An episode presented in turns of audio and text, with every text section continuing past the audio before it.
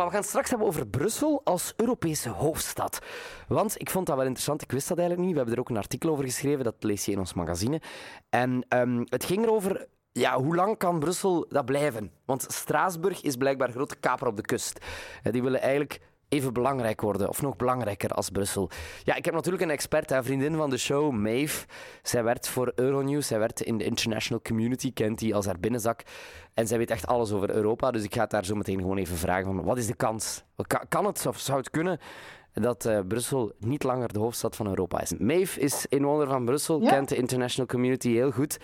Um, Maeve, so I, I was talking a bit about, about the, the piece that is in our article, uh, in our magazine. The front Um, page, yeah, the front yeah, cover. Exactly. Brussels is still important for Europe, I imagine. Is that still the case? Hugely.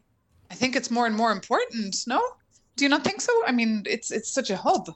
Yeah, It's such my, a hub. In my in my opinion, I think it, it's it's very very important for for for Europe, Yeah. Brussels. But yeah, I, I didn't know that the, the competition with Strasbourg was, was that strong st- yet or already. I don't think it. I think Brussels will always have a have an edge because Brussels is also the headquarters of NATO, and unfortunately, we have a war now on European soil, which means NATO is extremely busy. The NATO headquarters is seeing more and more people come. You might even notice if you're on the airport bus lately, you hear lots of Swedish people and Finnish people. They're all becoming because they'll be joining as well NATO. So, like Brussels is pretty much the hub. It's the crossroads. It's the European crossroads, and I think it'll always be. Mm-hmm. W- why is it still important for, for Europe to, to, to be in Brussels? You think? I think it's important because this is where the majority of institutions have been centralized. I know that France, and it's in the European treaties that Strasbourg will always have the European Parliament there as well.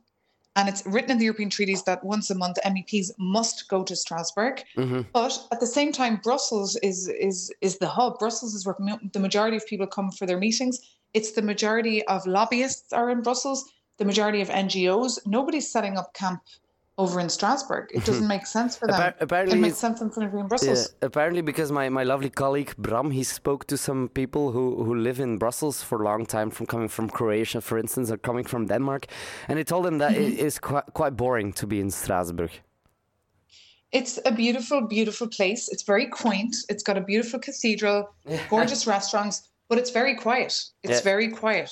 a yes, bit- it's a- very quiet. It's A bit it's where we go when we postcardy. retire.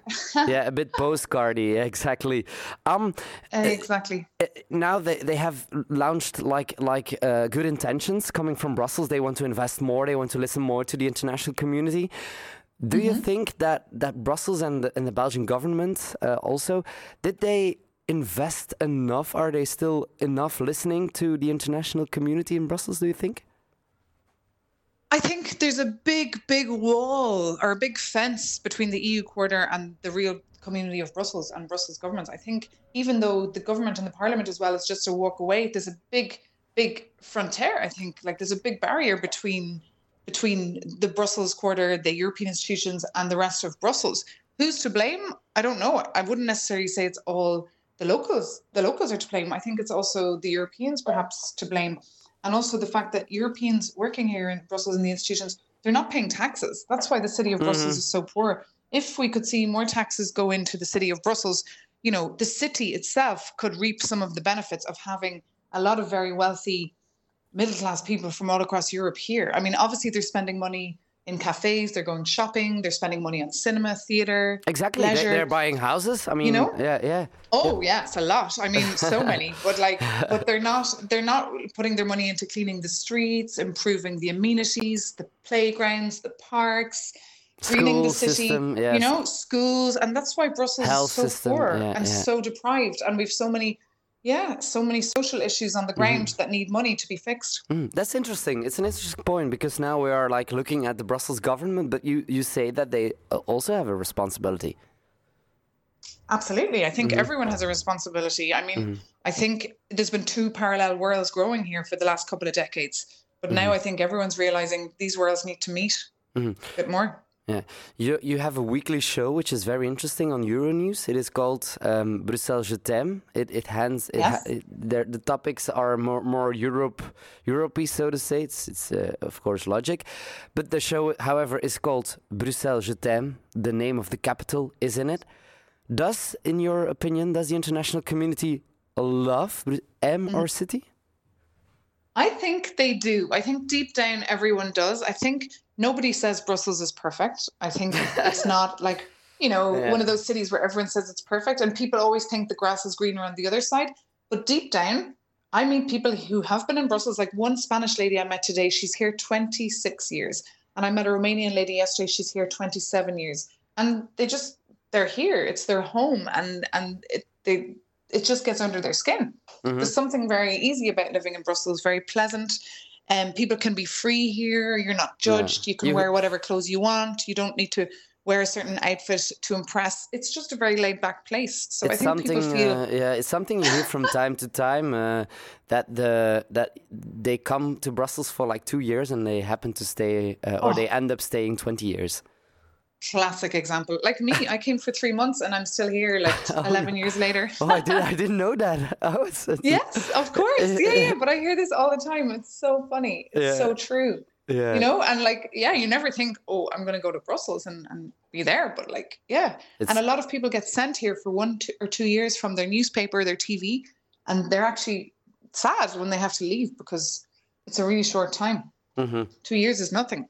No, no, it's nothing. And and Brussels, it, it takes time when it when it gets under your skin, but when it when it when it found its way into your heart, I mean, it's for everybody the same. Uh, people who came from from from Flanders somewhere, from in the Limburg or from Ghent or from uh, Ieper.